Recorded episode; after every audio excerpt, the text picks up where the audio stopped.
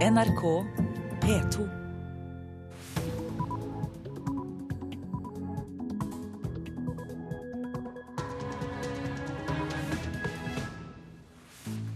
Øystein Heggen ønsker deg velkommen til Nyhetsmorgen nå 28. november. Klokka 6.30 er dette våre hovedsaker. En bekymringsmelding fra barnevernet dagen før en liten gutt i Leksvik ble funnet død, er svært interessant for etterforskningen, sier politiet. Det vil jo bli en viktig del av oss å få brakt på det rene i etterforskninga, om det har en sammenheng. Politistasjonssjef i Steinkjer, Snorre Haugdal. Barnefaren i slutten av 20-åra nekter straffskyld. Terje Søviknes får kamp om nestledervervet i Fremskrittspartiet, men får støtte fra hjemfylket.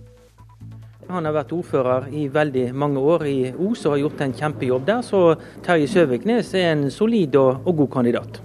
Mener stortingsrepresentant Gjermund Hagesæter fra Hordaland. Hvem som helst kan samle inn penger til gode formål, men nå kan navnene på useriøse innsamlere bli offentliggjort.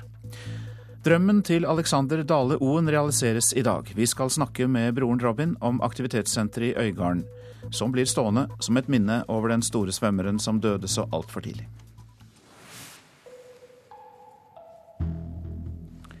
En bekymringsmelding fra barnevernet er svært interessant for etterforskningen av barnedødsfallet i Vanvikan i Leksvik i Nord-Trøndelag.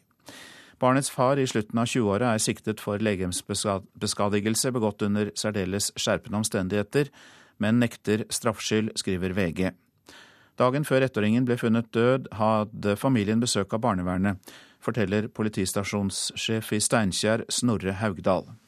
Det er jo vanlig at barnevernet er inne og foretar undersøkelser i, i flere hjemmer, og at politiet i den anledning er i bakhånd. Så jeg vet ikke hva, hva det dreier seg om. Det forteller politistasjonssjef i Steinkjer, Snorre Haugdal. Det var tirsdag barnevernet var på besøk hos familien i Leksvik. De ba om hjelp fra politiet, men tok hånd om saken sjøl, uten at politiet grep inn. Ja, Vi ble anmodet om å være i nærheten, og det ble ikke behov for vår bistand i den saken. Dagen etter ble altså den ett år gamle gutten funnet død.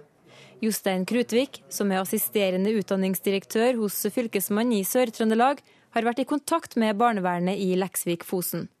Men han kan ikke fortelle hva bekymringa tirsdag gjaldt, eller om foreldreparet har vært i kontakt med barnevernet ved tidligere anledninger. På, på nåværende tidspunkt er det politiet som håndterer denne saken, og alle detaljer rundt saken er det dem som skal håndtere. Så jeg kan ikke kommentere noe på svar kommentere noe på detaljer rundt saken. på dette tidspunktet. Politiet i Nord-Trøndelag har nå fått hjelp fra to teknikere og en etterforsker fra Kripos. Haugdal sier barnevernssaken fra tirsdag er svært vesentlig i etterforskninga. Ja, Det vil jo bli en viktig del av oss å få brakt på det rene i etterforskninga.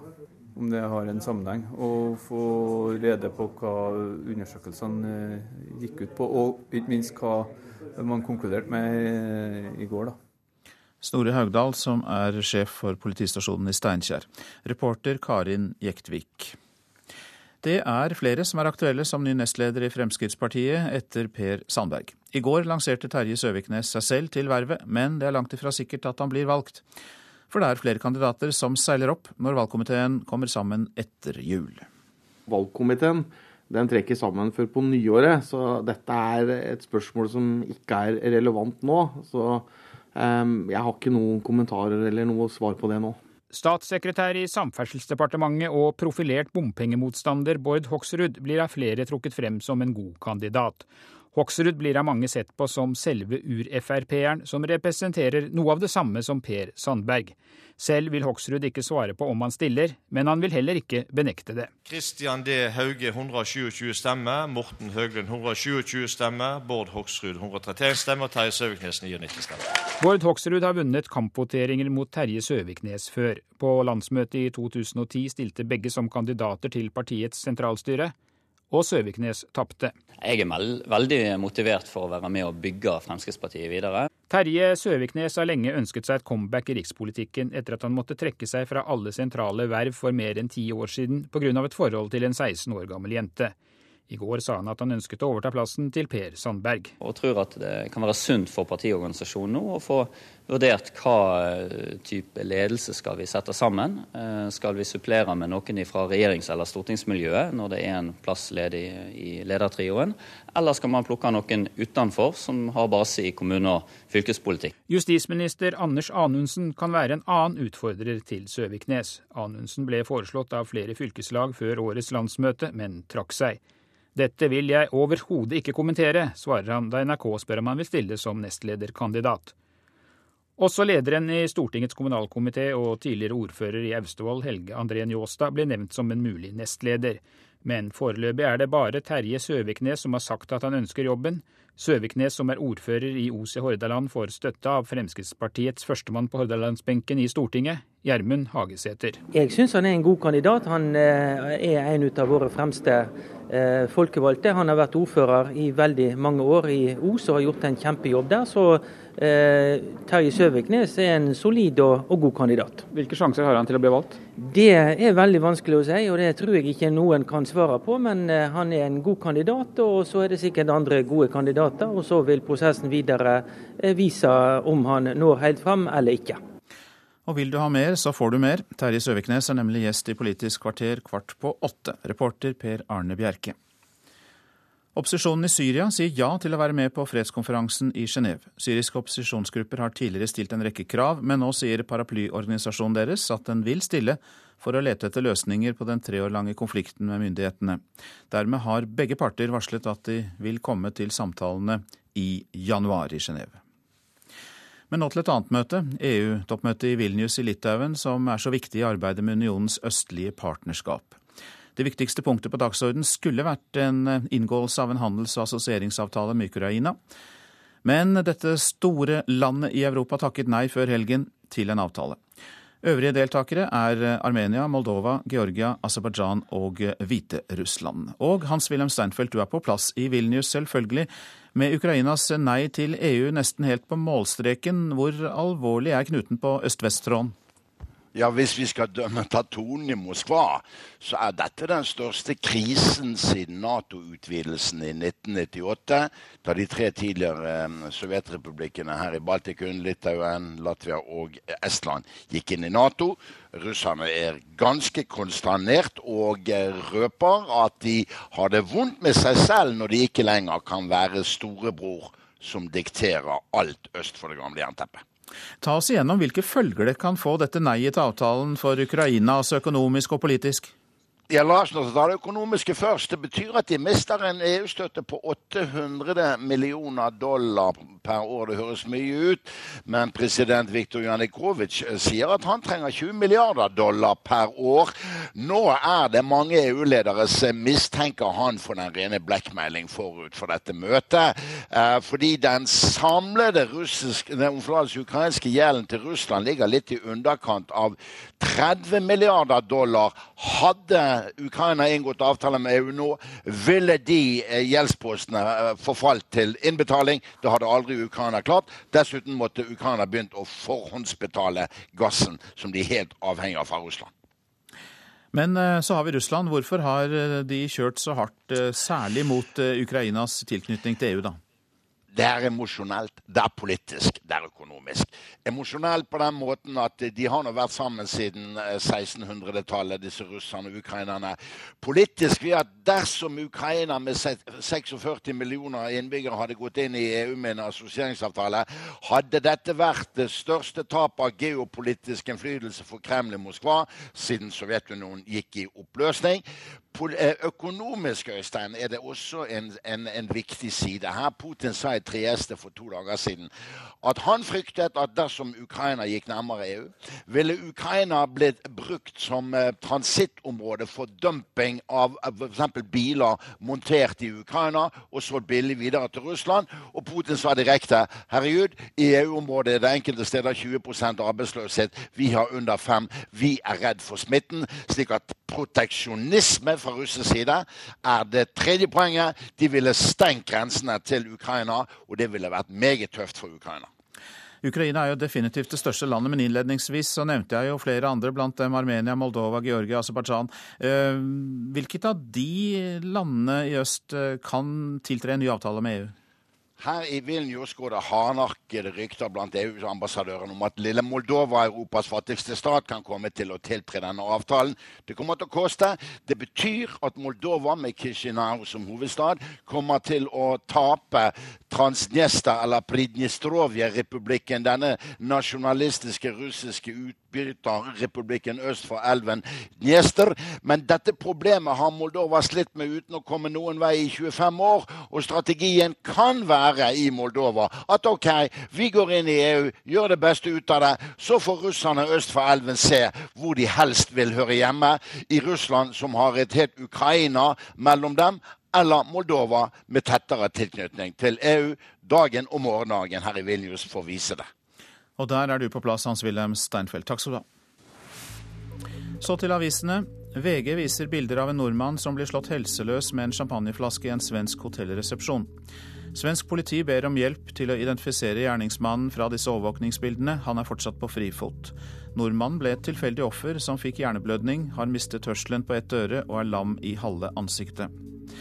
Salget av nikab øker i Oslo, skriver Aftenposten. Økt bruk av det heldekkende hodeplagget, som bare etterlater en smal stripe til øynene, viser at det er skjedd en radikalisering blant muslimske kvinner, mener religionshistoriker.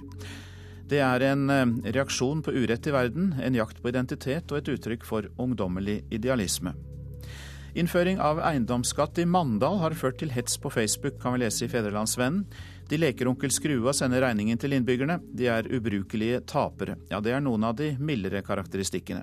Men professor Frank Aarebrot sier at politikerne må tåle skuffede innbyggeres reaksjoner.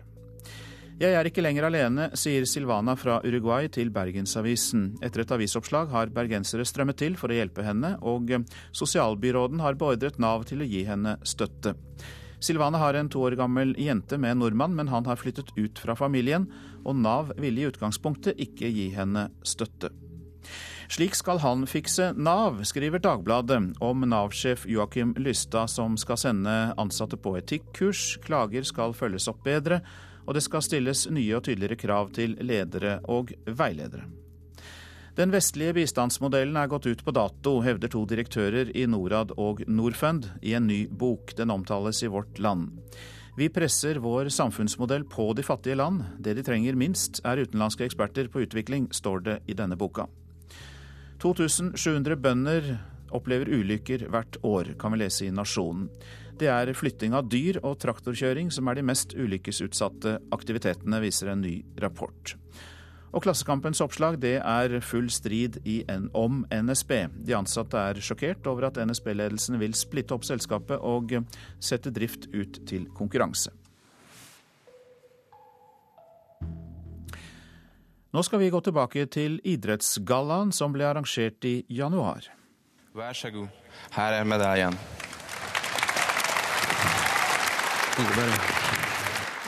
Det er en fantastisk gjest, og vi er jo evig takknemlig for at han har tenker på oss oppi denne eh, situasjonen.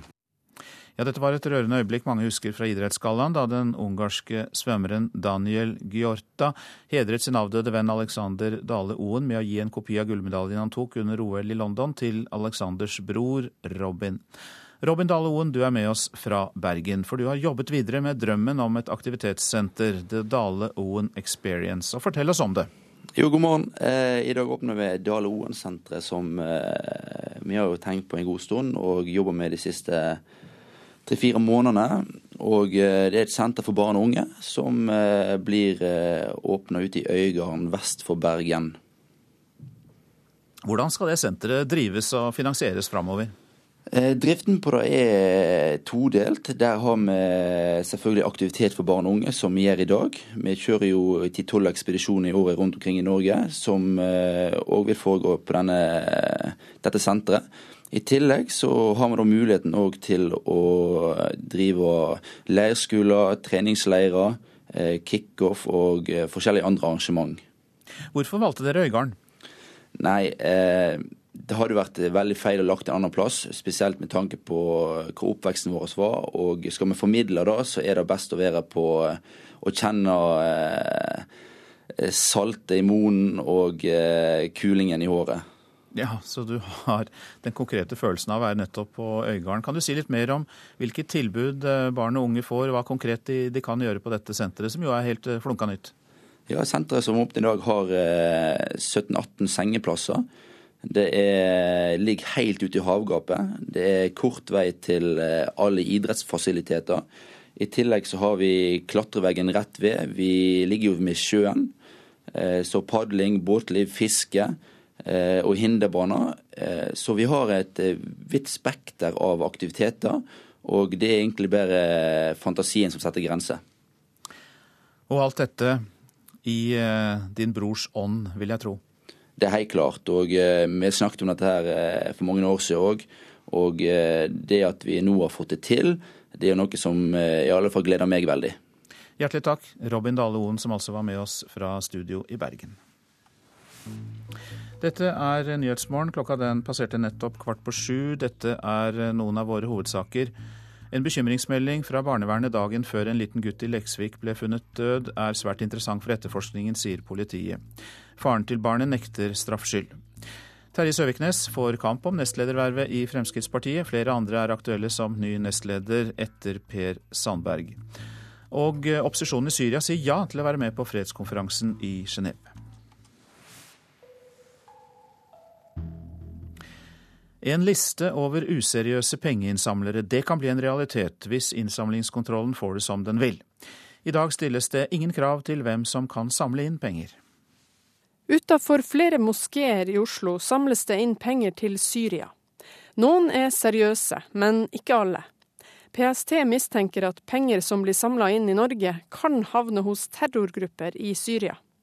I dag er det ingen krav til hvem som kan samle inn penger. Men nå vil daglig leder for innsamlingskontrollen, Børre Hagen, registrere useriøse innsamlere. Vi skal ha en, uh, legger ut en oppsliste. Det er over organisasjoner som uh, vi har mottatt uh, informasjon om fra publikum, eller det kan også være fra forbrukermyndighetene, hvor det er grunn til å stille spørsmål ved seriøsiteten. Det er eh, på høy tid at eh, innsamlingsregisteret offentliggjør hvilke organisasjoner de får klage på. For i dag så er det sånn at innsamlingsregisteret bare informerer om de som er registrert. Og det er faktisk sånn at eh, de beste gutta i klassen, det er de som registrerer seg.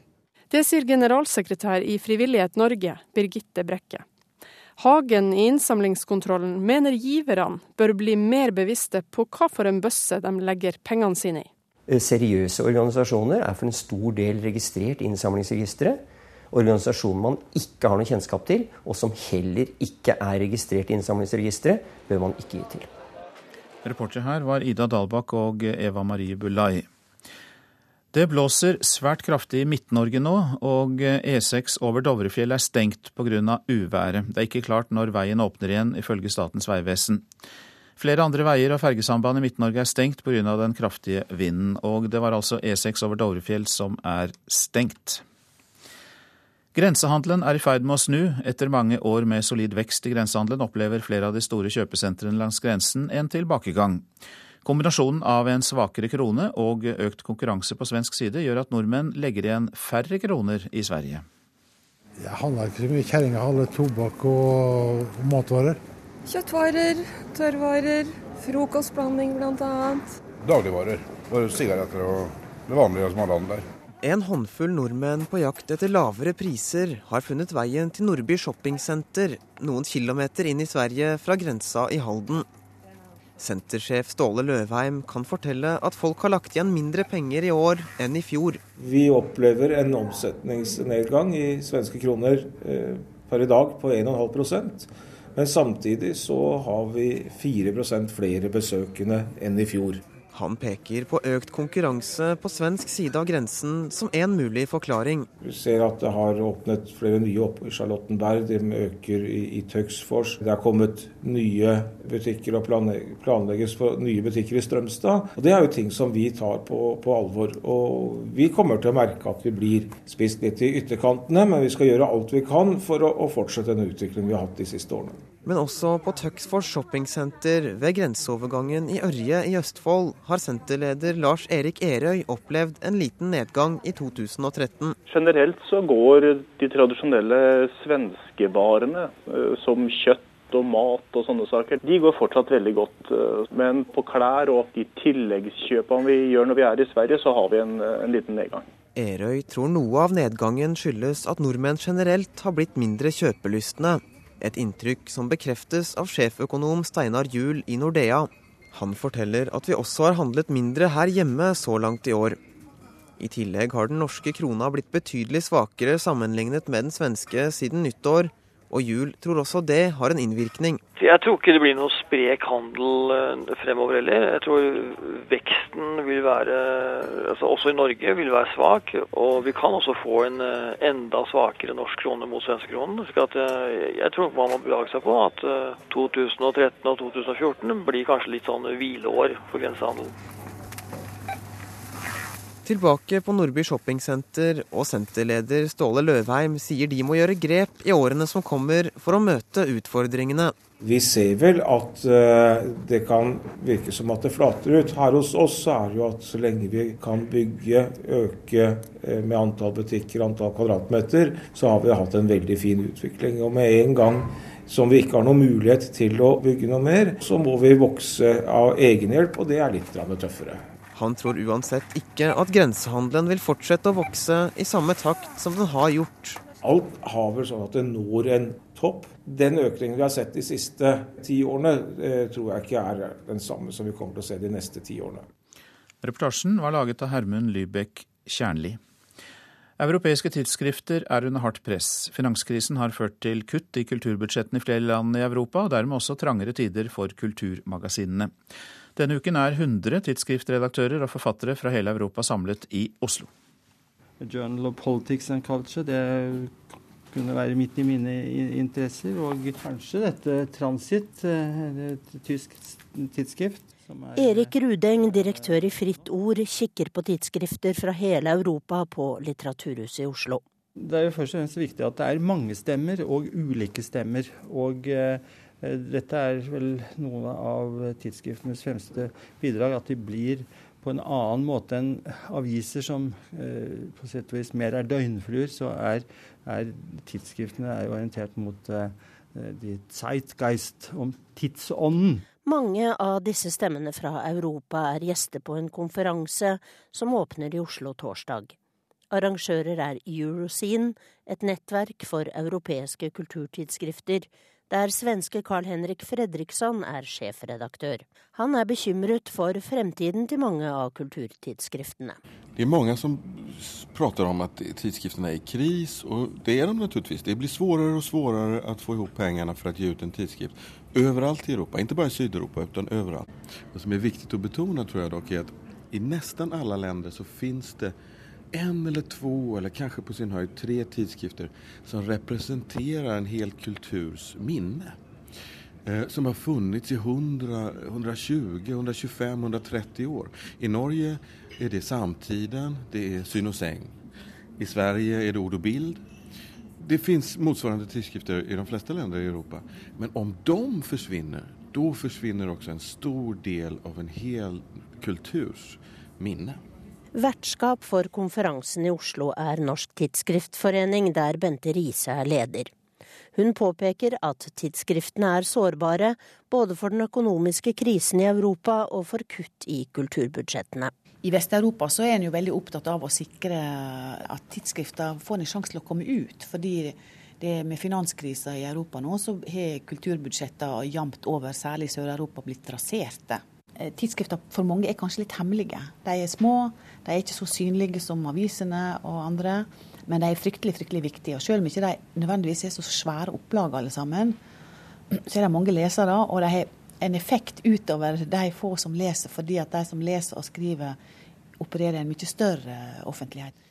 Reporter Tone Staude. Kulturen taper for sporten i kampen om sponsormidlene. Den nye regjeringen ønsker at kulturen i større grad skal finansieres av næringslivet, men da må kulturfolk lære mer om sponsing, sier ekspert. Her er eh, håndballjentene våre, som, eh, som vi har sponset, vært hovedsponsor av siden 1991. Det er vi veldig fornøyd med og veldig stolt av. Sponsorsjef i Gjensidige, Stian Grøstad, viser fram lagbildet av det norske damelandslaget i håndball, som bedriften sponser. Ja, vi har valgt eh, idrett og lagidrett fordi vi internt er veldig opptatt av eh, å spille på lag for å nå mål. Det er veldig viktig for oss. Og det er flere som vil sponse lag og idrett. Idretten stikker av med over 70% av sponsormidlene i Norge, mens 18% går til kultur. En prognose laget for sponsor- og eventforeningen viser at gapet mellom idrett og kultur vil øke i 2014. Den nye regjeringen ønsker at kulturen i større grad skal finansieres av private midler. For Gjensidige er det kun aktuelt å sponse kultur dersom Skal vi vurdere å satse på, på kultur, så må de kunne fremvise en plan som viser hva de kan gi Gjensidige tilbake over lengre tid. Om det kommer an på skiskyting, hopp eller håndball eller fotball, men poenget er at de tenker innovativt i forhold til det produktet de har. Og det er jo der kulturen har sovet i timen. Sier Jakob Lund, tidligere sponsorsjef i DNB. Nå er han Driver nå et firma som heter Sponsorkonsult. Driver med rådgivning for større norske virksomheter, idrett og kultur. Lund mener det må kommersiell innovasjon og nytenkning til for at kulturen skal sikre seg sponsorkronene. De må gå i seg sjøl og tenke hva er det vi har som næringslivet trenger? Hva er det vi er gode på? Og hvordan kan vi bytte kompetanse? Jeg, jeg opplever det litt sånn som at man har fryktet litt for møydommen. At man er redd for at næringslivet skal komme med sine klamme hender og involvere på eller gripe inn i kulturlivets egenart. Leder for Musikernes Fellesforbund, Hans Ole Rian, kan kjenne igjen denne holdningen. Altså, noen få har nok, i hvert fall tidligere, vært skeptisk til å sånn som du sier, la seg bli kjøpt opp av eh, kapitalen, da, for å sette det litt på spissen. Eh, men jeg tror vi har sett eh, de siste årene en dreining bort fra den tanken der. og at de aller fleste kunstnerne er, er, glad for å få litt ekstra inntekt, og de gjerne går i komponiskap med næringslivet når det, det er formålstjenlig for begge parter. Og det var Charlotte Fjellhøy som var reporter her. Så til værvarselet, og det er mye vær i Norge i dag, for å si det sånn. Fjellet i Sør-Norge, nordvestlig kuling, først på dagen storm utsatte steder, snøbyger, i kveld minkende vind og avtagende byggeaktivitet i fjellet i Sør-Norge. Så går vi til Østlandet og Telemark. Det blir liten kuling utsatte steder. Fare for lokalt kraftige vindkast over 22 meter per sekund. I ettermiddag minkende til nordvestlig bris, på kysten frisk bris. Enkelte snøbyger nord i Hedmark og Oppland, men ellers opphold. Agder nordvestlig liten kuling utsatte steder, på kysten vest for Lindesnes sterk kuling. I Innlandet fare for lokalt kraftige vindkast over 22 meter per sekund. Mot kvelden nordvestlig bris. Enkelte regnbyger i vest, snøbyger i høyden, ellers oppholdsvær i Agder. Rogaland og Hordaland nordvest periodevis sterk kuling, i kveld frisk bris. Enkelte regnbyger, snøbyger i høyden. Sogn og Fjordane nordvest sterk kuling, periodevis full storm på kysten i nord. Regnbyger, snøbyger i høyden, i ettermiddag minkende vind. Møre og Romsdal og Trøndelag nordvest liten storm utsatte steder, perioder med full storm på kysten. Regnbyger, snøbyger i høyereliggende strøk og utrygt for torden. Det blir lokalt mye nedbør. Fra i ettermiddag nordvest stiv kuling og til kvelden bris. Helgeland, Saltfjellet, Salten og Ofoten. Nordvestlig periodevis sterk kuling. Regnbyger, snøbyger i nord og i fjellet. I ettermiddag minking til nordlig liten kuling og snøbyger. Regnbyger sør. Lofoten, Vesterålen og Troms. Nordøstlig liten storm utsatte steder. Sludd, etter hvert snøbyger. I ettermiddag nordlig liten kuling, etter hvert bris og snøbyger. Finnmark nordøstlig sterk kuling i fjordstrøkene. I ettermiddag nordlig stiv kuling. På vidda frisk bris og snøbyger. Nordensjøland på Spitsbergen, der blir oppholdsvær, kort og godt. Så går vi til temperaturene som ble målt klokka fire. Svalbard lufthavn minus 18, Kirkenes null. Vardø pluss to, Alta og Tromsø begge pluss én grad. Bodø pluss fem, Brønnøysund pluss tre. Trondheim-Værnes har vi ikke fått inn fra meteorologiske, men Molde har vi, der var det pluss fire grader. Bergen-Flesland og Stavanger pluss seks, Kristiansand-Kjevik åtte, Gardermoen seks, Lillehammer fire. Røros er nede i minus åtte grader, og Oslo-Blindern hadde pluss sju grader da klokka var fire. Og så legger vi til at E6 over Dovrefjell er stengt pga. uværet. Det er også flere andre veier og fergesamband i Midt-Norge som er stengt pga. den kraftige vinden. Nå straks Dagsnytt, og så fortsetter Nyhetsmorgen tre minutter over sju. NRK P2. Bård Hoksrud er aktuell som ny nestleder i Fremskrittspartiet. Og i dag åpner et eget aktivitetssenter til minne om svømmeren Alexander Dale Oen. Her er NRK Dagsnytt klokken er sju. Bård Hoksrud er et av navnene som er aktuell som ny nestleder i Fremskrittspartiet. I går lanserte Terje Søviknes seg selv til vervet. Valgkomiteen den kommer sammen etter jul, men Hoksrud vil ikke kommentere om han er aktuell. Dette er et spørsmål som ikke er relevant nå. Statssekretær i Samferdselsdepartementet og profilert bompengemotstander Bård Hoksrud blir av flere trukket frem som en god kandidat. Hoksrud blir av mange sett på som selve ur-Frp-eren, som representerer noe av det samme som Per Sandberg. Selv vil Hoksrud ikke svare på om han stiller, men han vil heller ikke benekte det. Um, jeg har ikke noen kommentarer eller noe svar på det nå. Reporter her, det var Per Arne Bjerke og Terje Søviknes er gjest i Politisk kvarter klokken kvart på åtte. 29-åringen som er siktet etter at hans ett år gamle sønn døde i Nord-Trøndelag, nekter straffskyld. Hva som skjedde før gutten ble funnet død i går, det er uklart. Kripos er derfor i gang med undersøkelser. Forsvareren til 29-åringen sier til VG at han ikke har gjort noe straffbart. I Thailand er et mistillitsforslag mot statsministeren nedstemt. Det har vært store demonstrasjoner i landet mot regjeringen de siste dagene. Demonstranter har omringet flere departementer med krav om at statsministeren må gå av, men nasjonalforsamlingen har altså sagt nei til forslaget om mistillit. I dag åpner aktivitetssenteret The Dale Oen Experience i Øygarden utenfor Bergen. Det er et senter til minne om svømmeren Alexander Dale Oen, og som er laget i hans ånd, sier broren hans Robin, som har jobbet med senteret. Det er helt klart, og eh, vi snakket om dette her eh, for mange år siden òg. Og eh, det at vi nå har fått det til, det er noe som i alle fall gleder meg veldig. Det er et senter for barn og unge. Vi kjører jo ti-tolv ekspedisjoner i året rundt omkring i Norge, som òg vil foregå på denne, dette senteret. I tillegg så har vi da muligheten òg til å drive leirskoler, treningsleirer, kickoff og forskjellige andre arrangement. Det sa Robin Dale Oen. Kinobesøket her i Norge går kraftig ned. For to år siden sa 60% at de går på kino. I år er tallet 52 Samtidig øker strømmingen av film via tjeneste på internett kraftig, og det er særlig i aldersgruppen 15 til 29 år. Og på sikt kan dette bli dramatisk for kinoer og kulturhus over hele Norge. Det sier kulturprofessor Anne-Britt Gran til Aftenposten. NRK Dagsnytt, Turi Grønbekk.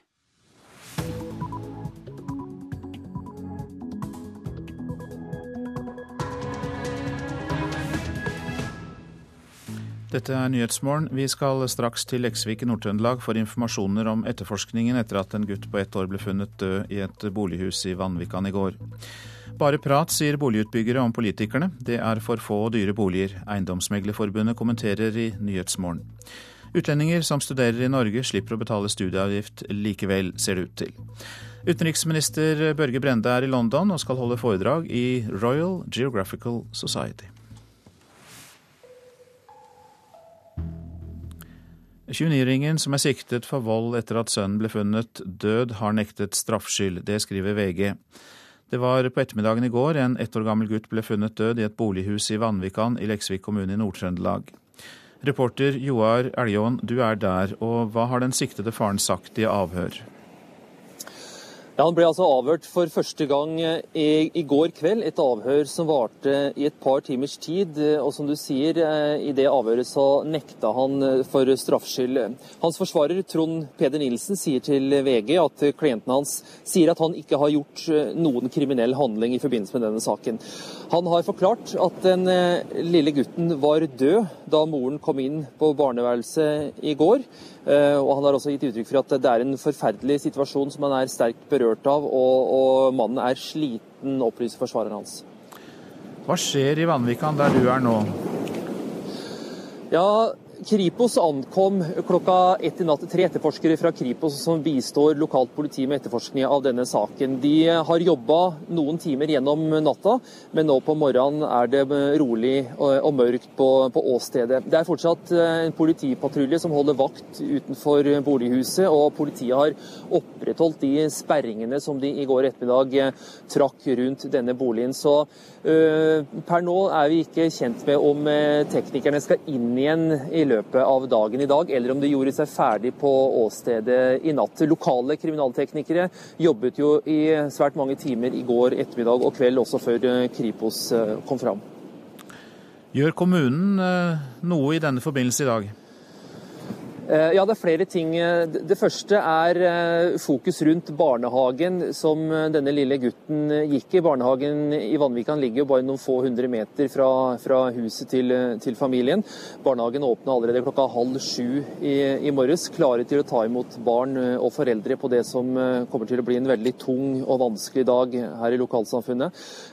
Den kommunale kriseledelsen hadde møte i går kveld der de la planer for ekstra bemanning i, i barnehagen i dag, og ekstra fokus rundt å ta vare på barn og foreldre, eh, og pårørende selvfølgelig.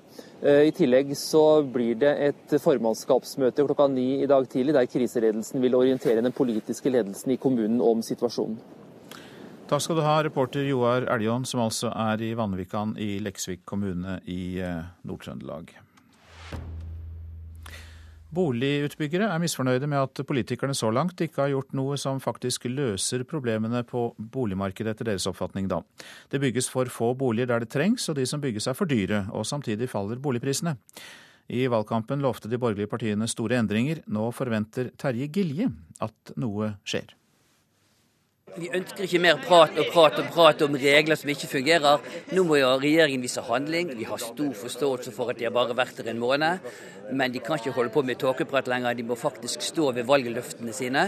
Sier Gillian, som er administrerende direktør i Bergen og omegn boligbyggelag. Uttalelsen kommer på Norsk Boligbyggelags konferanse om nettopp boligpolitikk, hvor en rekke politikere stilte opp med mer prat. Her hører du stortingspolitikerne for Arbeiderpartiet og SV, Eirik Sivertsen og Karin Andersen. Så er det også en sentral politisk oppgave å legge til rette for at det bygges nok boliger. Derfor så er vi òg villige til å bruke sterkere virkemidler for å få opp boligbygginga. Men boligbyggerne mener at rød-grønne byggekrav gjorde nye leiligheter opptil 30% dyrere. Og nå faller nyboligsalget dramatisk, på tross av at det egentlig er mangel på boliger i byene. Så er plan- og bygningsloven såpass detaljregulerende at kommunen kan faktisk bestemme i en reguleringsplan hvor en søppelbøtte eller et bossband som vi sier i Bergen skal stå. Hvis den ikke tegnet er nøyaktig samme sted, så får vi ikke rammetillatelse, og da går plansaken bak i køen igjen. Og så er det nye 89 måneder med tilsvarende finanskostnader. Så, så, selve regelverket er sterkt fordyrende, og de som sitter igjen med taperen hele tiden, er boligkjøperne. Mener Terje Gilje. I valgkampen lovte de borgerlige partiene store endringer. Det har boligbyggerne og administrerende direktør i Norsk Boligbyggelag Tor Eek høye forventninger til. Men mange i bransjen er spesielt skuffa over at regjeringa ikke har lempa på egenkapitalkravet, som de lovte i valgkampen. Det mener de nå drar boligprisene nedover. Ja, Det var vi skuffet over, og det ga vi uttrykk for veldig raskt når de ikke ville ta tak i det. Sier Tor Ek. Fremskrittspartipolitiker Per-Willy Amundsen har fått hovedansvaret for boligpolitikken i Kommunal- og regionaldepartementet, og har altså gått bort fra hva som ble lova i valgkampen om egenkapitalkravet. Sånn som situasjonen er akkurat nå, så har man ikke valgt å gjøre det. Men statssekretær Amundsen lover forenkling i byggebyråkratiet. Plan- og bygningsloven er en stor og tung lov. Eh, den er altså ikke eh, revidert på en, måned, en drøy måned, som eh, denne regjeringa har, har vært i kontorene. Eh, så eh, det må vi jo komme tilbake til. Men som jeg sier, ambisjonene ambisjonene, løpet er lagt. Vi vil forenkle, fornye og forbedre. Og det tror jeg også at alle vil se resultatet av rimelig raskt. Reporter Linda Reinholdsen. God morgen, Finn Tveter. Du er direktør i Norges Eiendomsmeglerforbund. Jeg fikk lyst til å gå tilbake til oldtiden og låne et uttrykk derfra. Gordisk knute, ofte brukt om vanskelige, øyensynlig umulige problemer som kan, kun kan løses med radikale og resolutte midler. Nå er det jo så mange innslag vi har hatt om det å få bygd flere boliger, så nå håper jeg på noen gode ideer til radikale, resolutte midler fra deg. Ja, det er klart vi, vi er alle opptatt av, av eh, den 15 egenkapitalen. Den er jo usosial. Det er det, det er det, verste ved den. at Det er folk, unge mennesker som har betalingsevne, som ikke slipper inn eh, til å skaffe sin første bolig. Det er ett tiltak. Kutt, ja, et, kutt ut den. Ja. Det, er, ikke, kutt den ut, men redusere den for, tilbake til 10 men det er ikke det som er hoved, mitt hovedanliggende. For det er, det er, dette har vi hørt om alle sammen. Den ja. forrige regjering visste utmerket godt at disse reglene var for, straff, for ja, for strenge, eller blir praktisert også for strengt. Ja, nå, nå, men, men, men, de kommer ikke til å gjøre altså, jeg, jeg, tror verken uh, universell utforming, om du lemper litt på den, eller om du lemper litt på reglene Det kommer ikke til å skje dramatiske ting med boligprisene. Det som er hoved... Og alle vet det, men ingen gjør noe med det. Og det Nei. som er hovedgreia, det er jo at tomtene i pressområdene er så dyre at boligene blir dyre. Det vet alle. Men det er, du må bare, det er ikke nok å vite det. Og så har alle kommunene sier jo da, de vil. De, vil, de, de er ikke imot, det er vel det som er poenget. Men de vil ikke sterkt nok. For kommunenes, Hvem er det som, som velger kommunens eh, politikere? Jo, det er kommunens innbyggere. Og de er jo først og fremst seg sjøl nærmest. Mens de som trenger bolig, mange kommer utenifra. Og de må man altså rydde plass til. Og da er det ikke nok til å si, kommunalt særstyre. Det skal jo være selvstyre, det er bra, men det skal ikke være særstyre. De må være åpne kommuner som faktisk ser altså ser verdien i å få flere folk. Husk på at Norge om ti år vi er 600 000 mer mennesker. Det er hele Oslo by som vi trenger å ha plass til om ti år. Det, og det, det går riktignok 60 og 60 000 i året, men det kreves altså ikke bare planlegging, men en positiv vilje til å skaffe tomter i pressområdene. Men nå gir jeg deg frie hender, da. Her og nå i et par minutter. Hva ville du gjort for å få til dette? For du sier det største problemet Alt det andre er, er, mindre viktig. Det største problemet er prisen på tomtene. Så hva vil du gjøre? Jo, det, det, det, det er allerede på gang, kan du si. Lillestrøm. Jeg, jeg må ta to eksempler fra Oslo, selv om det er rikssending. Mm. Så Lillestrøm det, har på kort tid fått seg en bane som bruker 13 minutter til byen. Det har ført til en enorm boligbygging der oppe. Dessverre så føler jo det også med seg litt boligpriser, men det er sånn vi må gjøre det. Drammen lå en stund på to tredjedeler av boligprisene i, i, i, Oslo. Altså så var det rom for å bygge der, og så nå står det i kø på veien inn til Oslo i stedet. Det er nå en sak. Moss er den nye regionen. Det er disse satellittbyene, små, mindre byene, som man må satse på, med en rask kommunikasjon. Poenget er at alle vet det. Det er ikke noe nytt. Den rød-grønne regjeringen visste det i åtte år. Og den nye som tropper, Solberg-regjeringen, den, den, vet det. Men det må få til den Du kan ikke si at ja, eh, ja vi, vi, vi, er ikke mot. Du må ville. Og da må man samle de kommunene Det er vel ca. 16 kommuner rundt Oslo som må samles, og så må de motiveres. Og motivering har ofte med penger å gjøre.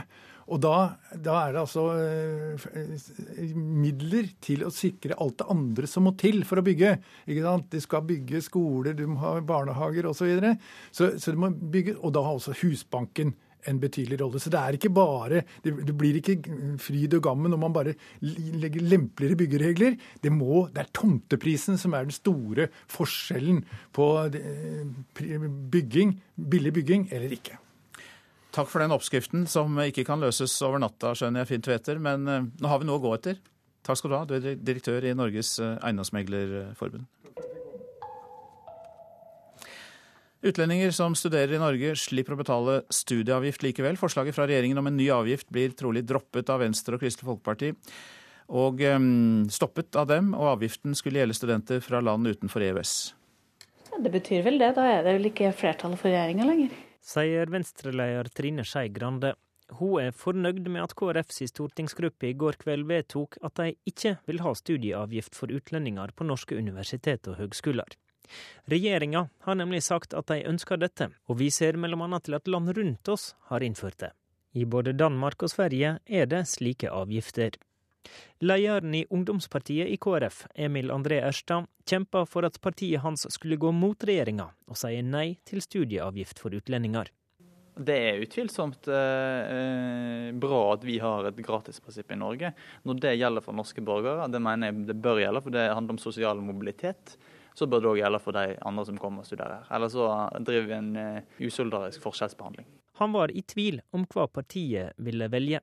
Nei, det er fordi vi har vingla i den saken her tidligere. Nå var det veldig viktig for meg å, å overbevise KrFs stortingsgruppe om at dette var en god sak. Nå, nå gikk det bra i dag, eh, og vi, eh, vi verner om gratisprinsippet, sånn som vi har lovt at vi skal gjøre i vårt program. Men nå står altså KrF og Venstre sammen mot Høyre-Frp-regjeringa. Det er jeg veldig glad for.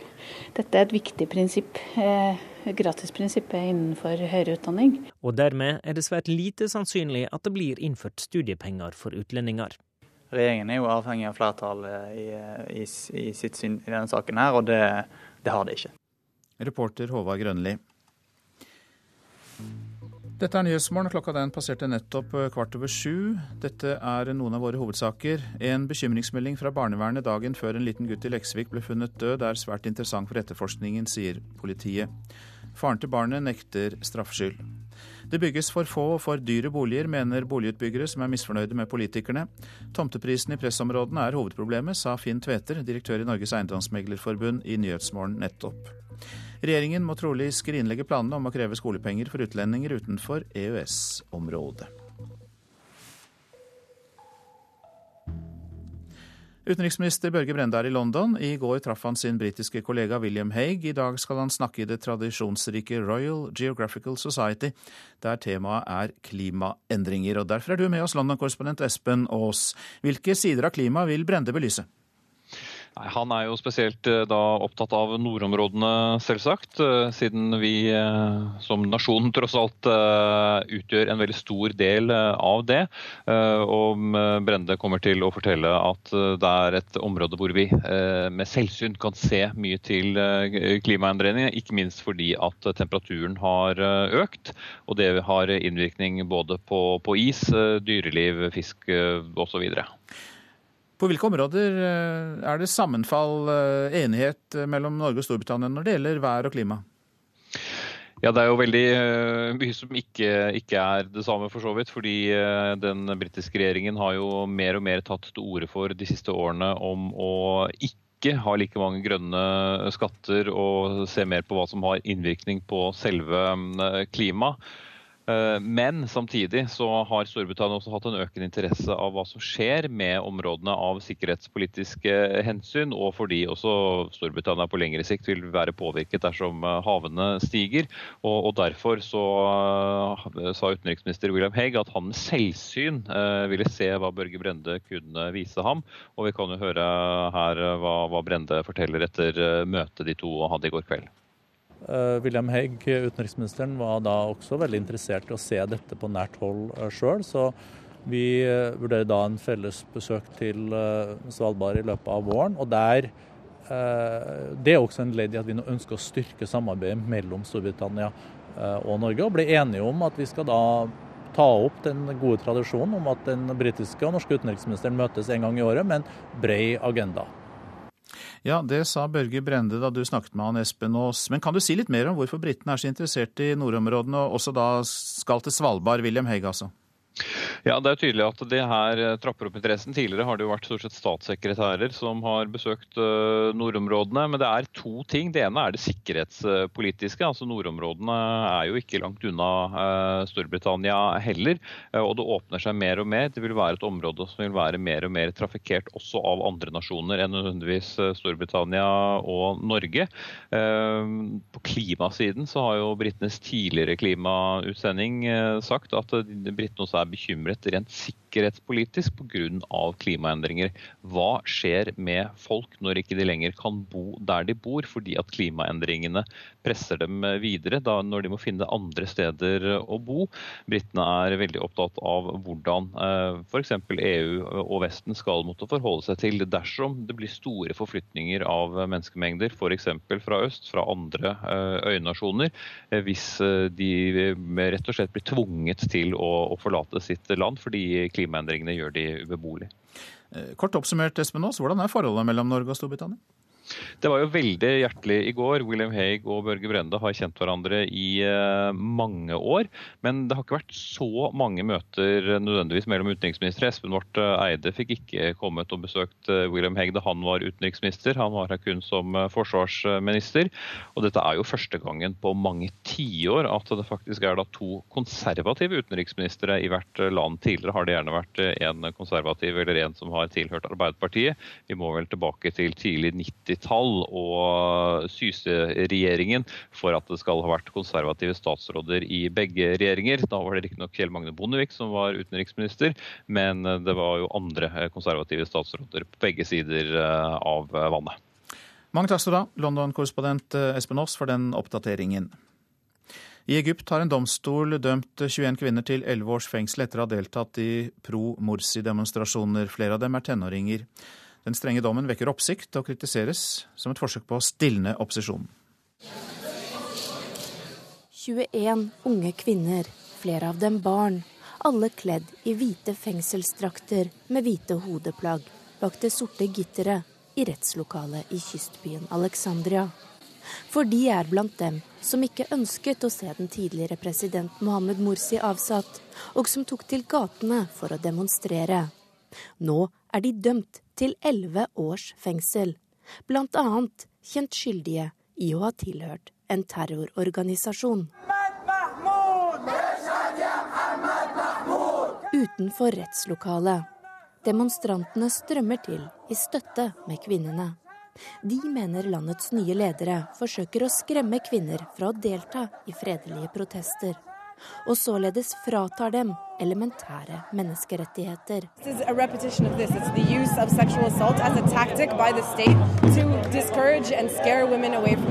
De arresterer kvinner og bruker seksuell trakassering som taktikk for å forsøke å skremme dem vekk fra demonstrasjonene, forteller Yasmin Rafai ute i gatene. Brorskapets politiske parti fosset frem på meningsmålingene etter revolusjonen på Tahrir-plassen i 2011 og vant det første valget. Men Mohammed Mursi klarte ikke å innfri som president. Snarere tvert imot. Mange egyptere fryktet for retningen landet var i ferd med å gå, og jubelen var stor da Mursi ble avsatt i et militærkupp i sommer.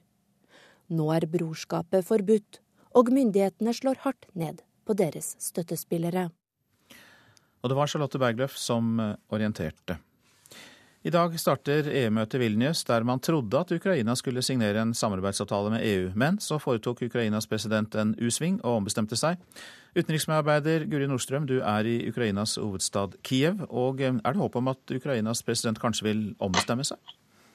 De jeg har snakket med så langt, har ikke det. Eh, jeg var på Maidanplassen her i Kiev i går kveld, hvor jeg møtte flere demonstranter. De sier de håper presidenten vil snu i Vilnius i dag, men samtidig tror de det ikke. Likevel så ønsker de heller ikke å gi opp, så de fortsetter demonstrasjonene. Nå er det jo likevel slik at president Janukovitsj eh, drar til EU-møtet i Vilnius. Hvorfor gjør han det når eh, forholdet har kjølnet og han ikke vil inngå samarbeidsavtale? Ja, det er jo et argument som vertslandet Litauen bruker i alle fall. For dem hadde det jo vært en ekstra fjær i hatten dersom denne historiske avtalen hadde blitt undertegnet nettopp hos dem. Eh, men de jeg har snakket med, tror likevel ikke at dette vil skje. Og en av mange årsaker er at Ukraina da må betale en stor del av gjelden de har, tilbake til Russland ganske raskt. Russland har jo hele tiden vært svært negativ til Ukrainas flørting med EU. En annen årsak er at de da må løslate opposisjonspolitikeren Julia Timosjenko, som EU ser på som en politisk fange. Det er ikke Janukovitsj særlig interessert i, fordi hun sannsynligvis vil være en sterk konkurrent mot ham i presidentvalget om to år. Men eh, Janukovitsj, drar han til møtet i Vilnius uansett? Han gjør nok det. Det er i hvert fall de siste meldingene vi har fått her. Og så har det vært mange demonstrasjoner i Kiev den eh, siste uka. Og fortsetter folk å demonstrere for å få til en EU-avtale eh, e likevel? Ja, nå i kveld er det ventet at en del vil ta til gatene nettopp pga. dette EU-møtet i Vilnius. Den største demonstrasjonen den var på søndag. Da var så mange som 100 000 personer i gatene. Siden det har det blitt færre, men det er også ventet at det vil møte opp en del nå i kveld. Men uh, samtidig så har da flere frivillige organisasjoner meldt at mange demonstranter har blitt advart mot å demonstrere av myndighetene. Og uh, Dette bekreftet også tre legestudenter som jeg møtte på Maidanplassen i går kveld. De fortalte at selveste helseministeren hadde vært på universitetet deres og sagt at dersom de demonstrerte, så kunne de risikere å miste studieplassen. Takk skal du ha, utenriksmedarbeider Guri Nordstrøm, som altså er i Ukrainas hovedstad Kiev. Så til det avisene skriver om i dag. VG viser bilder av en nordmann som eh, blir slått helseløs med en champagneflaske i en svensk hotellresepsjon. Svensk politi ber om hjelp til å identifisere gjerningsmannen på disse overvåkningsbildene. Han er fortsatt på frifot. Nordmannen ble et tilfeldig offer som fikk hjerneblødning, har mistet hørselen på ett øre og er lam i halve ansiktet. Salget av nikab øker i Oslo, skriver Aftenposten. Økt bruk av det heldekkende hodeplagget som bare etterlater en smal glipe til øynene, viser at det er skjedd en radikalisering blant muslimske kvinner, mener religionshistoriker. Det er både en reaksjon på urett i verden, en jakt på identitet og et uttrykk for ungdommelig idealisme. Innføringen av eiendomsskatt i Mandal har ført til hets på Facebook, kan vi lese i Fedrelandsvennen. De leker onkel Skrue og sender regningen til innbyggerne. De er ubrukelige tapere. Det er noen av de mildere karakteristikkene. Men professor Frank Aarebrot sier at politikerne må tåle skuffede innbyggeres reaksjoner. Jeg er ikke lenger alene, sier Silvana fra Uruguay til Bergensavisen. Etter et avisoppslag har bergensere strømmet til for å hjelpe henne. Og i tillegg, sosialbyråden har beordret Nav til å gi støtte. Silvana har en to år gammel jente med en nordmann, men han har flyttet ut fra familien, og Nav ville i utgangspunktet ikke gi henne støtte. Slik skal han fikse Nav, det skriver Dagbladet om Nav-sjef Joakim Lystad. Han skal sende ansatte på etikkurs, klager skal følges opp bedre, og det skal stilles nye og tydeligere krav til ledere og veiledere. Den vestlige bistandsmodellen er gått ut på dato, hevder to direktører i Norad og Norfund, som eh, skriver en ny bok. Den omtales i Vårt Land. Vi presser vår samfunnsmodell på fattige land. Det de trenger minst, er utenlandske eksperter på utvikling, står det å lese i boka. 2700 bønder i ulykker hvert år, er eh, oppslaget i Nasjonen. Det er flytting av dyr og traktorkjøring som er de mest ulykkesutsatte aktivitetene til bønder her i landet, viser ny rapport. Full strid om NSB er oppslaget i Klassekampen. De ansatte er sjokkert over at NSB-ledelsen vil splitte opp selskapet og sette ut drift til konkurranse.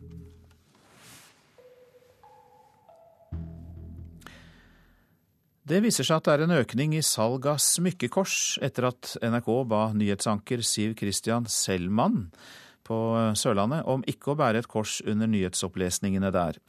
Det bekrefter, NRKs, eh, det bekrefter Norges største gullsmedprodusent. Og butikksjef Hilde Andreassen hos gullsmed T. Berglin i Kristiansand forteller om kraftig økning i salget. Ja, Det er litt vanskelig å si, men eh, ja, fra 30 til 50% faktisk. Butikksjefen sier korssaken er en snakkis over disken, og at enkelte kunder har kommet innom og kjøpt mange kors. Flere har kjøpt opptil fire-fem stykker, og nå skal vi virkelig vise at vi skal gå med kors. Og nå kjøpes det. ja. Altså Noen har kjøpt fire-fem kors eh, eh, til, altså, som de skal gi vekk, da? Ja, det har de. Mm, og sagt at eh, dette er bevisst handling. Markedssjef Tormod Firing hos E. Andreassen i Stavanger, som er Norges største produsent av gullsmedvarer, bekrefter økt etterspørsel og salg av korsmykker. Altså etter den, eh, den episoden i, i, med den journalisten, så er det ingen tvil om at uh, kors er kommet mye mer på tapetet, og at, uh, at salget er økende. Litt tidlig pga. litt treghet i systemet å si akkurat hvor mange prosent det har gått opp, men at det har gått opp, det er ingen tvil. Blant folk vi møtte, var meningen delte om bruk av korssmykke. Jeg går ikke med kors sjøl, jeg, jeg har tenkt litt rundt det, men jeg, litt, jeg, er, ikke helt, jeg er ikke helt enig med meg sjøl på en måte. Så du skal ikke kjøpe kors nå? Nei, for jeg har alltid hatt et smykke, et korssmykke på meg i, i, siden jeg ble voksen. Så eh, min eh, standpunkt er slik at jeg kommer til å bære korset uansett. Går du selv noen ganger med kors? Nei, men har jeg hatt et kors av smykke, så har jeg brukt det. Hos gullsmeden handles det alle varianter kors. Det er gull og sølv og eh, stål, ikke minst. Eh, ikke de største, kjempestore korsa. Det er ikke bispekors, men eh, det er det du normalt går med sånn noe à la Siv sitt, kanskje. Litt større. Og på spørsmål om hvem som kjøper kors, svarer butikksjef Andreassen hos gullsmed Teberg Lind dette. Det er hvem som helst. Har til og med spørsmål om det man behøver ikke å være kristen for å gå med kors. Og det har jeg sagt nei til. Det behøver man ikke. Nei. Dere avkrever ikke at man skal kunne fader vår eller trosbekjennelsen? nei, det gjør vi ikke. Ifølge markedssjef Firing hos Norges største produsent av gullsmedvarer, kan mange vente seg en helt spesiell gave under juletreet i år. Vi tror i hvert fall at i år så kommer det til å ligge mange flere lekre gullkors under treet enn det det har gjort tidligere år. Reporter Kjell Pedersen. Fylt kalkun og masse tilbehør. Om USAs thanksgiving-feiring i reportasjen etter Dagsnytt. I Politisk kvarter er nestledervalget i Fremskrittspartiet et av temaene. Prosent for Nyhetsmorgen i dag, Kari Bekken Larsen. Her i studio, Øystein Heggen. Så venter vi noen bitte små sekunder på Dagsnytt.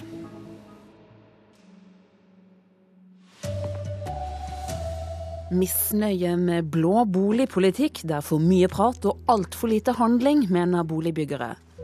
29-åringen som er siktet for vold etter at sønnen ble funnet død, nekter straffskyld. Og politiet sliter med å få sendt ransdømt mann ut av landet med å betale pass for skurken. Her er NRK Dagsnytt klokken er 7.30. Boligbyggere er misfornøyd med at politikerne ikke har gjort noe som løser problemene på boligmarkedet.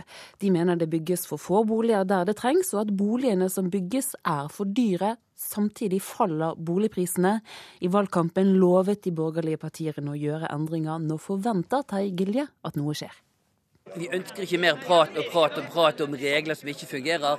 Nå må jo regjeringen vise handling. Sier Giljen, som er administrerende direktør i Bergen og omegn boligbyggelag. Uttalelsen kommer på Norsk Boligbyggelags konferanse om nettopp boligpolitikk. Boligbyggerne mener at rød-grønne byggekrav gjorde nye leiligheter opptil 30% dyrere. Og nå faller nyboligsalget dramatisk, på tross av at det egentlig er mangel på boliger i byene. Kommunen kan faktisk bestemme i en reguleringsplan hvor en søppelbøtte eller et bossband som vi sier i Bergen skal stå. Hvis den ikke tegnet er nøyaktig samme sted, så får vi ikke rammetillatelse, og da går plansaken bak i køen igjen. Og så er det nye 89 måneder med tilsvarende finanskostnader. Så, så, selve regelverket er sterkt fordyrende, og de som sitter igjen ved taperen hele tiden, er boligkjøperne. I valgkampen lovte de borgerlige partiene store endringer, men mange i bransjen er spesielt skuffa over at regjeringa ikke har lempa på egenkapitalkravet, som de lovte i valgkampen. Det mener de nå drar boligprisene nedover. Fremskrittspartipolitiker Per-Willy Amundsen har fått hovedansvaret for boligpolitikken i Kommunal- og regionaldepartementet, og har altså gått bort fra hva som ble lova i valgkampen om egenkapitalkravet. Sånn som situasjonen er akkurat nå, så har man ikke valgt å gjøre det. Men statssekretær Amundsen lover forenkling i byggebyråkratiet. Eh, ambisjonene eh, løpet er lagt. Vi vil forenkle, fornye og forbedre, og det tror jeg også at eh, alle vil se resultatet av eh, rimelig raskt. Reporter her var Linda Reinholdsen. 29-åringen som er siktet for vold etter at sønnen ble funnet død, nekter straffskyld, skriver VG. I går ettermiddag ble en ett år gammel gutt funnet død i et bolighus i Vanvikan i Leksviks kommune i Nord-Trøndelag. Vi skal til reporter Gjøte Toftaker, du er i Vanvikan. Hva er det den siktede faren har sagt i avhør? Han har benekta at han har noe med skaden på barnet. Eh, han forklarte sin, han har sagt Ifølge hans forsvarer så eh, benekta han dette, og han sier at eh, barnet var dødt da mora kom inn i rommet. Dette er da sitert i VG. Ellers her på stedet så jobber politiet med de sikre fremdeles huset der mannen eller der dette har skjedd. Eh, Kripos har vært her flere timer i natt og jobba, eh, men akkurat nå så er det kun vakthold ved huset. Hva skal politiet gjøre videre? Ja, det, ble, det, det, blir nok helt sikkert uh, undersøkelser fremdeles. Eksakt hva som skjer i huset her på Vanvikan og avhør av denne mannen. det kommer fram på en pressekonferanse som politiet skal ha klokka 11 i Steinkjer. Takk skal du ha, reporter Gjøte Toftaker. Flere Frp-ere er aktuelle som ny nestleder i partiet, etter Per Sandberg. I går lanserte Terje Søviknes seg selv til vervet, men det er langt fra sikkert at det er han som blir valgt, for flere andre kandidater seiler opp. Valgkomiteen skal møtes etter jul. Dette er et spørsmål som ikke er relevant nå, så um, jeg har ikke noen kommentarer eller noe svar på det nå. Statssekretær i Samferdselsdepartementet og profilert bompengemotstander Bård Hoksrud blir av flere trukket frem som en god kandidat. Hoksrud blir av mange sett på som selve ur-Frp-eren, som representerer noe av det samme som Per Sandberg. Selv vil Hoksrud ikke svare på om han stiller, men han vil heller ikke benekte det. Kristian D. Hauge 127 stemmer, Morten Høglund 127 stemmer, Bård Hoksrud 131 stemmer og Terje Søviknes 99 stemmer. Bård Hoksrud har vunnet kampvoteringer mot Terje Søviknes før. På landsmøtet i 2010 stilte begge som kandidater til partiets sentralstyre og Søviknes tapte. Jeg er veldig motivert for å være med og bygge Fremskrittspartiet videre. Terje Søviknes har lenge ønsket seg et comeback i rikspolitikken etter at han måtte trekke seg fra alle sentrale verv for mer enn ti år siden pga. et forhold til en 16 år gammel jente. I går sa han at han ønsket å overta plassen til Per Sandberg. Og tror at det kan være sunt for partiorganisasjonen nå å få vurdert hva eh, type ledelse skal vi sette sammen. Justisminister Anders Anundsen kan være en annen utfordrer til Søviknes. Anundsen ble foreslått av flere fylkeslag før årets landsmøte, men trakk seg. Dette vil jeg overhodet ikke kommentere, svarer han da NRK spør om han vil stille som nestlederkandidat. Om få minutter er det Politisk kvarter i NRK P2. Der er Terje Søviknes gjest. Reporter var Per Arne Bjerke. Politiet i Vestfold må kjøpe nytt pass til en rumener som er dømt for flere brutale ran av eldre. Mannen har nemlig ikke gyldig pass, og han er heller ikke villig til å kjøpe et selv. Rumeneren skal sendes til heimlandet for å sone en dom for brutale eldreran. Men 27-åringen har ikke gyldig pass, og han vil ikke kjøpe nytt sjøl. Men passet må fornyes før han kan sendes ut av landet, og nå må politiet i Vestfold punge ut. Mannen har opparbeidet seg noen tusen kroner i arbeidspenger i fengsel her i Norge, men kriminalomsorgen har ikke tilgang til dem. Dette er uhyre spesielt, nokså provoserende og fullstendig unødvendig bruk av tid tid og ressurser, sier politiet i Vestfold til Dagbladet. Leder av krimseksjonen i Vestfold politidistrikt, Kjell Johan Abrahamsen, legger til at dette er et hull i lova som bør tettes. Nå vil de kreve erstatning for pengene de bruker på å få mannen ut av landet, både for nytt pass og det reisa koster for rumeneren og politibetjentene som skal følge han. Sa reporter Eirin Årdal. I Egypt har en domstol dømt 21 kvinner til 11 år i fengsel for å ha deltatt i demonstrasjoner. Flere av de dømte er tenåringer. Den strenge dommen vekker oppsikt og oppfattes som et forsøk på å kneble opposisjonen. 21 unge kvinner, flere av dem barn, alle kledd i hvite fengselsdrakter med hvite hodeplagg bak det sorte gitteret i rettslokalet i kystbyen Alexandria. For de er blant dem som ikke ønsket å se den tidligere president Mohammed Morsi avsatt, og som tok til gatene for å demonstrere. Nå er de dømt til elleve års fengsel, annet kjent skyldige i å ha tilhørt en terrororganisasjon. Utenfor rettslokalet. Demonstrantene strømmer til i støtte med kvinnene. De mener landets nye ledere forsøker å skremme kvinner fra å delta i fredelige protester, og således fratar dem elementære menneskerettigheter. Brorskapets politiske parti fosset frem på meningsmålingene etter revolusjonen på Tahrir-plassen i 2011, og vant det første valget. Mange egyptere fryktet for retningen landet var i ferd med å gå, og jubelen var stor da Morsi ble avsatt i et militærkupp i sommer. Nå er brorskapet forbudt, og myndighetene slår hardt ned på deres støttespillere. Sa reporter Charlotte Bergløff. Det bør lages en liste over useriøse pengeinnsamlere, mener Innsamlingskontrollen. I dag stilles det ingen krav til hvem som kan samle inn penger, men nå vil daglig leder for Innsamlingskontrollen, Børre Hagen, registrere de useriøse aktørene. Vi skal ha en, legger legge ut en oppsliste Det er over organisasjoner som uh, vi har mottatt uh, informasjon om fra publikum, eller det kan også være fra forbrukermyndighetene, hvor det er grunn til å stille spørsmål ved seriøsiteten. Værvarselet i Østersund ser lovende ut for skiskyting i dag. I går gjorde været det umulig for kvinnen å gjennomføre sin verdenscupåpning. I stedet ble 15 km utsatt til i dag, når også guttene skal gå sin første individuelle øvelse. Emil Hegle Svendsen sier at han tar været som det kommer. Når du har bra sjøltillit og ting, ting, går greit, så, så, fungerer det greit. Men uh, hvis man er litt sånn usikker, så, så forsterker jo vinden den usikkerheten. Værmeldingen for i dag er imidlertid bra. Ifølge yr.no blir det delvis skyet og laber bris. Ole Einar Bjørndalen håper utøverne slipper bingorenn og ulike vindforhold i Østersund. Men har du tur og fire skytinger, så alt kan skje. Så det, vi får bare krysse fingrene at det blir noenlunde lik vind for alle. Er det det, så er det jo bare hyggelig. Og kvinnenes 15 km starter klokken 13.15 i dag. Herrene de skal ut på sin 20 km fra klokken 17.15. Reporter her var Vibeke Unnhjem.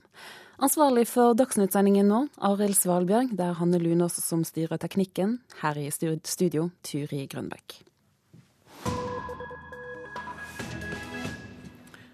Dette er Nyhetsmorgen. USA feirer i dag sin største nasjonale høytid, thanksgiving, med fylt kalkun og masse tilbehør. De fleste amerikanere har fri helt fram til mandag, men stadig flere må likevel jobbe. Det er nemlig slik at juleinnspurten begynner allerede i ettermiddag for mange av de store butikkjedene. Noen holder åpent hele natta. Det var ingen køer foran TV-apparatene, iPadene eller mobiltelefonene da jeg besøkte en av de store elektronikkjedene, Best Buy, her i Washington i går ettermiddag. Kanskje ikke så rart, for Best Buy åpner førjulssalget i ettermiddag klokka seks. Tidligere enn de fleste, og tidligere enn noen gang før. Butikksjef Matthew Colmes håper at mange gjør som han selv. Um, I know that I'm having my turkey around 2 o'clock. I have to be here at the store at 5. Jeg spiser kalkunen klokka to, så jeg rekker å være her klokka fem. Folk finner tid til å shoppe, tror Matthew. Særlig når iPader og populære flatskjermer selges til halv pris.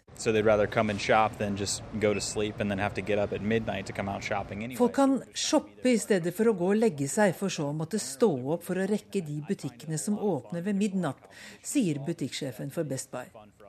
Men eh, blir ikke den tradisjonelle familiehøytiden vel kommersiell på den måten, spør jeg. Um, not at all. Uh, we are we are a country that thrives off of Uh, ikke i det hele tatt. Vi er et land som er sterkt pga. økonomien, og som trives med kapitalismen. Og vi feirer den ånden hver Black Friday ved å holde butikkene oppe i 24 timer, sier Matthew.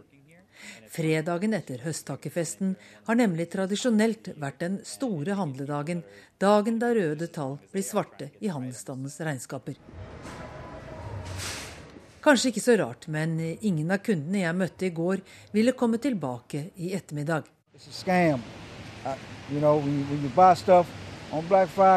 Black Friday er lureri. De samme varene selges billigere om noen måneder, mener John, som kjøpte en 39-tommers flatskjerm for 1500 kroner i går. Detaljhandelens egen bransjeorganisasjon regner med at bare 14% vil bruke anledningen til å shoppe på thanksgiving, selv om store kjeder som Macy's og Walmart åpner i kveld.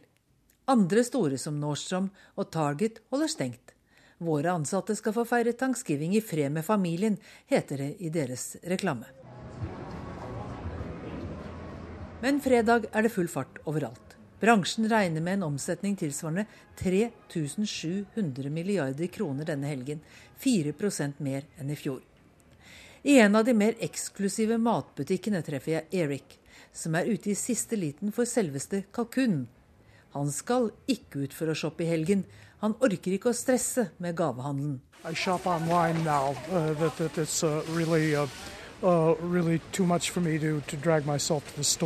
Jeg handler online nå.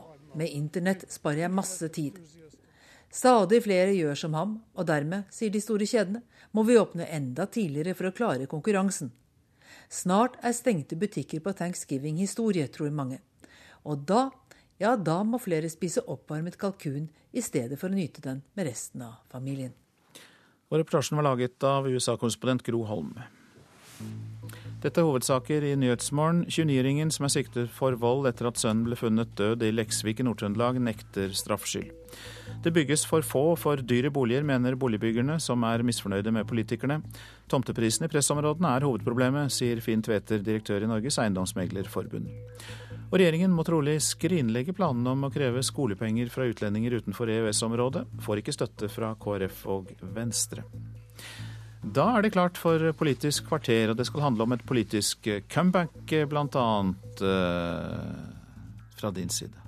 Ja, det skal det, for Os-ordfører Terje Søviknes fra Frp vil tilbake til rikspolitikken, og vi spør hvorfor. Og SVs Bård Vegar Solhjell mener at venstresidens politikk skaper større tillit i samfunnet enn høyrepolitikk. Banalt, svarer kunnskapsminister Torbjørn Røe Isaksen. De er også med her i studio.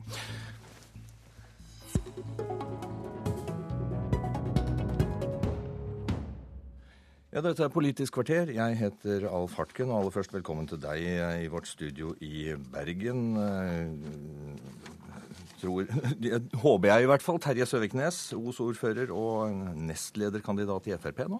God morgen, god morgen. Ja. Du, hvorfor vil du tilbake til rikspolitikken?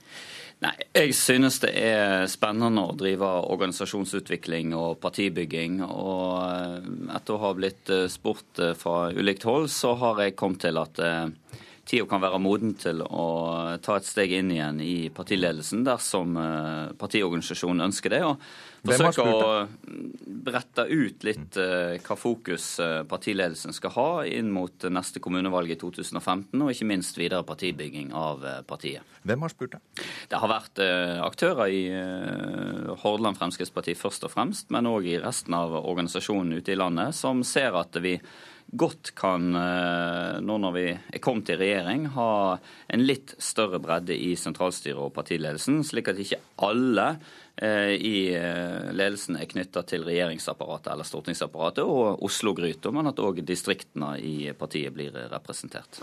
Veldig kort oppsummert, Søviknes. Du var altså nestleder i partiet sammen med Siv Jensen fram til 2001, og trakk deg etter, etter det ble klart at du hadde hatt seksuell omgang med en 16-åring i forbindelse med et landsmøte i Frp U.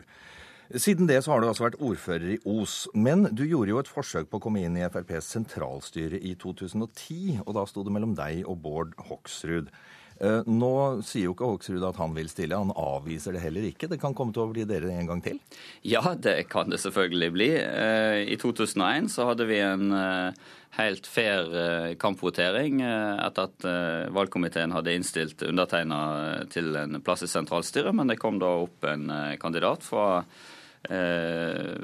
fylkeslagene sin side, Bård Hoksrud, og, og, vi hadde en fight eh, omkring det. Og vi har eh, generelt hatt stor takhøyde i Fremskrittspartiet både for å diskutere politiske saker og for å håndtere personvalg. og Det er jeg sikker på at vi òg får denne gangen, uavhengig av eh, hvem kandidater som nå melder seg, og, og hva konklusjoner valgkomité og, og partiorganisasjon etter hvert trekker. Men det har jo også blitt kommentert ganske mye rundt dette med fløyer i Frp, og at Bård Hoksrud da representerte på en måte en, en, en annen fløy enn det, enn det du gjør. og at Per Sandberg, som nå går av, også representerer en annen fløy i Frp.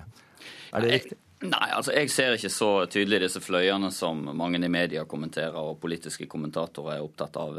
Jeg registrerer at det har vært en prosess i partiorganisasjonen fram mot dette stortingsvalget der alle har vært enige om at vi skal søke ansvar, vi skal søke regjering. Eh, det har vært litt ulikt syn på hvordan vi bør gå fram i forhold til å posisjonere oss for en sånn rolle. Jeg har nok vært av de som har eh, tydeliggjort at det uansett i, i samarbeid eh, er nødvendig å inngå kompromiss, og at det må vi være forberedt på. Jeg har tross alt sittet i i posisjon nå i 14 år som ordfører i Os og i, i mer enn ti år i Hordaland fylkeskommune, og samarbeider med Høyre, KrF og Venstre og veit hva det krever. og har vært opptatt av å være med og bidra til å forberede organisasjonen på, på den utfordringa det er. Men du nevner, du nevner, nettopp det at du har lengre erfaring fra samarbeid med andre partier enn de fleste andre. Det var ganske spesielt i Frp tidligere. Det var ikke så mange, mange som hadde den erfaringen. Nå har mye skjedd, og partiet har gjort en del erfaringer. Uh, og det er, det, det er, ikke så unikt lenger, på en måte. Hvordan skal du overbevise om at du ikke er gårsdagens mann? Du kan på en måte si det er ikke så unikt, men samtidig så er det ikke så mange ukene siden vi trådte inn i regjering. Og det er først nå eh, vår organisasjon får kjenne på kroppen hva det faktisk betyr å sitte og samarbeide med andre partier fra dag til dag i enhver politisk sak. Og jeg tenker at kanskje blir rollene snudd litt på dette nå, fordi et medlem av regjeringsapparatet eller Stortinget vil nå være veldig bundet av hva vi kommer fram til av kompromiss og eh, hva prosesser som pågår internt i regjeringa, mens en eh, nestlederkandidat eller en eh, sentralstyremedlem utenfor Oslo-gryta, som deg da kan representere fra kommune- og fylkespolitikken, faktisk vil kunne få en litt friere rolle i, i både å pre presisere FrPs primærpolitikk og å stille krav til regjeringas arbeid. Hva vil du bruke den frie rollen til? Nei, nettopp det jeg sa nå. å være... Hvor fri skal du være, på en Nei, måte? Det, altså Partiet sitter i regjering, det er begrensninger for hvor fri du ja, kan være. Ja, det vil det alltid være. Og vi vil alltid måtte samarbeide og være samkjørte på de viktige prosessene i en partiledelse. Eh, men eh, det å ha ei røst utenfor Oslo, som ikke minst tror jeg kan ha fokus på kommende kommunevalg i 2015, jobbe ekstra med partibygging og organisasjonsutvikling, vil være riktig strategisk, enten det blir meg eller noen andre. Nettopp fordi at eh, ved å sitte i regjering, sitte og styre landet, så blir man veldig opptatt av den jobben. Det er nesten altoppslukende. Og da er det veldig godt å ha et litt annet perspektiv, og i partiledelsen parallelt med det. Du sa at noen hadde spurt deg om å stille. Du har vel også snakket med partiledelsen. Hva sa Siv Jensen? Du, det blir mellom oss, eh, men jeg kan vel si det sånn at jeg opplever at eh, Siv Jensen alltid har vært opptatt av at vi skal ha eh, gode diskusjoner, mm. både om politikk og ikke minst personvalg, slik at det er en prosess i organisasjonen som leder fram til det veivalget landsmøtet skal gjøre, i dette tilfellet til våren. Hadde du stilt dersom hun hadde sagt at hun ikke syntes det var en god idé? Du, eh, Siv er en uh, dreven uh, politiker og en klok leder. Og uh, hun vil nok i denne prosessen verken til meg eller noen andre gi sine synspunkt verken den ene eller andre veien. Så jeg tror dere forstår at det i hvert fall ikke har vært gitt klart uttrykk for at det ikke vil være klokt om jeg stiller. Takk skal du ha, Terje Søviknes.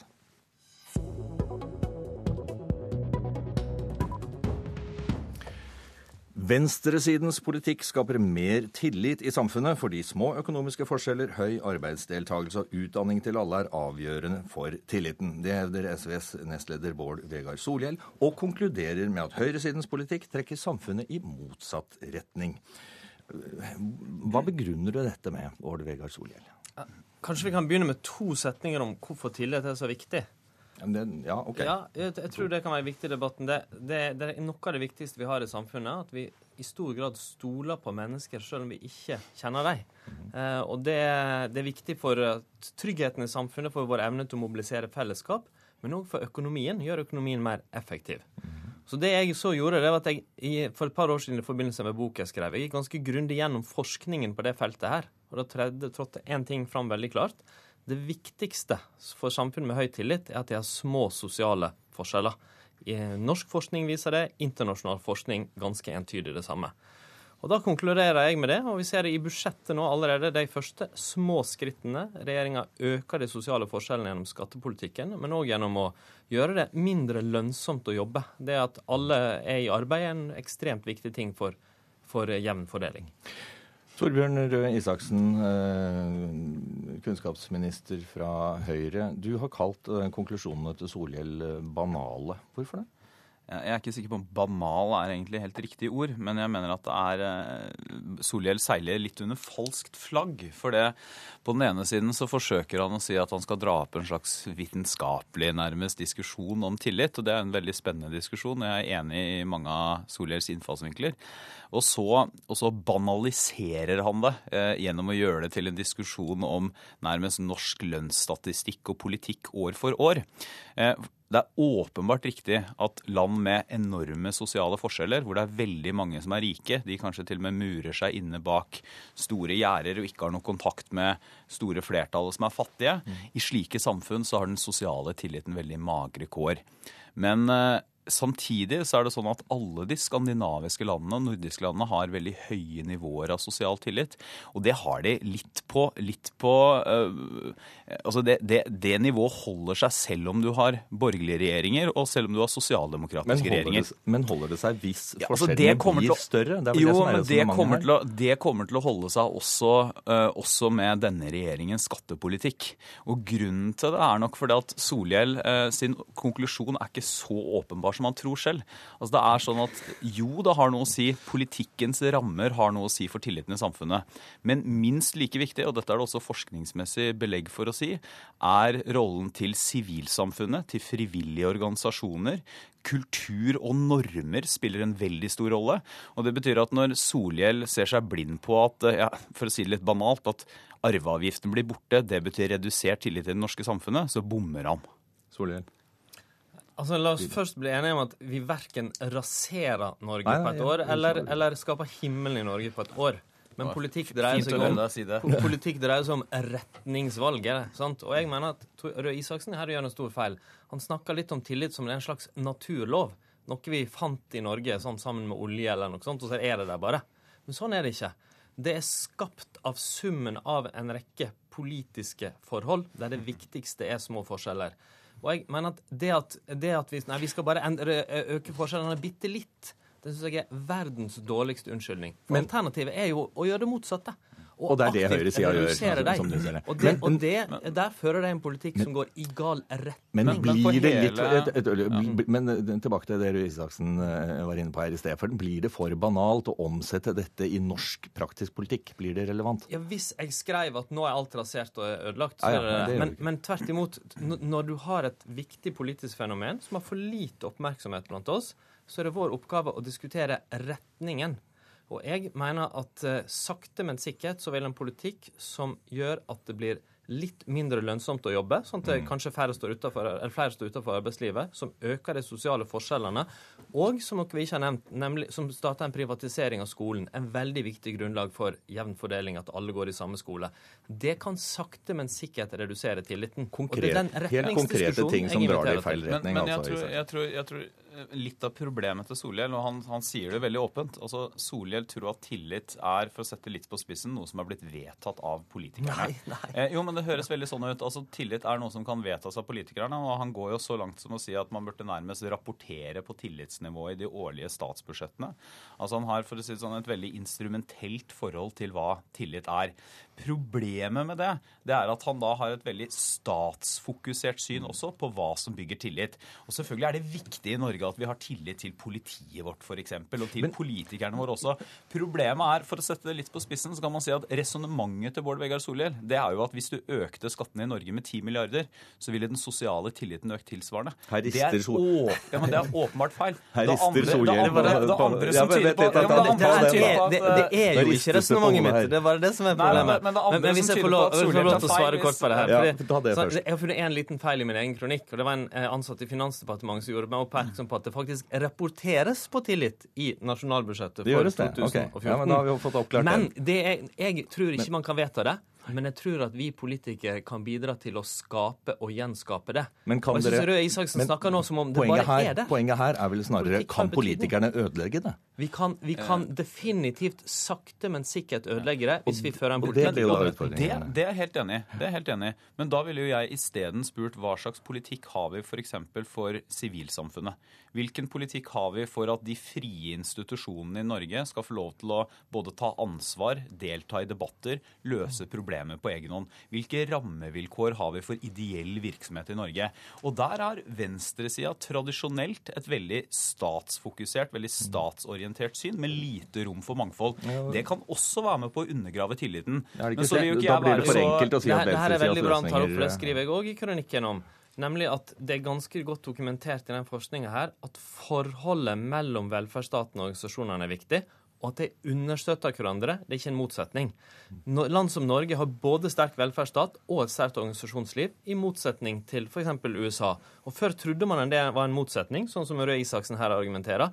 Nå ser man at det at vi har en velferdsstat og en sterk økonomisk støtte og organisasjonslivet, det er med på å øke tilliten og sivilsamfunnet. Ja, altså det er ikke noe, Hvis man fører en riktig politikk, så er det ikke noen motsetning mellom det å ha en aktiv stat og det å ha et levende sivilsamfunn. Men det er ikke noe tvil om at i de foregående åtte årene så er det veldig mange i de frivillige i Norge eksempel, som har sett at eh, det som var den rød-grønne regjeringa, ikke var så opptatt av de frivillige skår som de kunne vært. Det er jo, Hva kan være mer avgjørende for tilliten enn at folk selv lokalt organiserer seg, deltar i frivillige organisasjoner? Nei, det får du ikke. For dette er en lang og kompleks eh, diskusjon, og tiden går her. Og nå sitter kunnskapsministeren her, og jeg må bruke det siste minuttet til å spørre deg om en annen sak som vi har oppe i nyhetene i dag. Eh, For den, rød, den rød-grønne, hadde jeg nær sagt. Din regjering har altså foreslått å innføre og utrede med sikte på å innføre skolepenger for utenlandsstudenter. Nå viser det seg at Venstre har vært mot hele tiden. Nå har også KrF vedtatt at de er mot dette her. Hvilke konsekvenser får det? Dropper dere dette forslaget? Nei, altså Vi har varslet Stortinget om hva vi kommer til å gjøre. og Det er først gå gjennom saken, og så har vi sagt at vi skal se på om det skal innføres fra 2015. Dere tar sikte på å innføre det? Ja, tar sikte på innføring. Mm. Men det betyr også at man må se gjennom gode og dårlige argumenter, eller fordeler og ulemper med dette. For det fins fordeler og det fins ulemper. Jeg syns en åpenbar grunn til at vi skal gjøre det, er at alle land i Europa så å si har det. Og dessuten så er det en urimelighet i at en norsk student som studerer i USA, betaler skolepenger, masse skolepenger, er- mens en amerikansk student subsidieres da av norske skattebetalere. Det er deres begrunnelse, men nå mm, ser det ut til at dere ikke har noe flertall for Ja, dette. her. altså, men, men eh, vi, vi har varslet Stortinget om hva vi kommer til å gjøre, og det står fortsatt.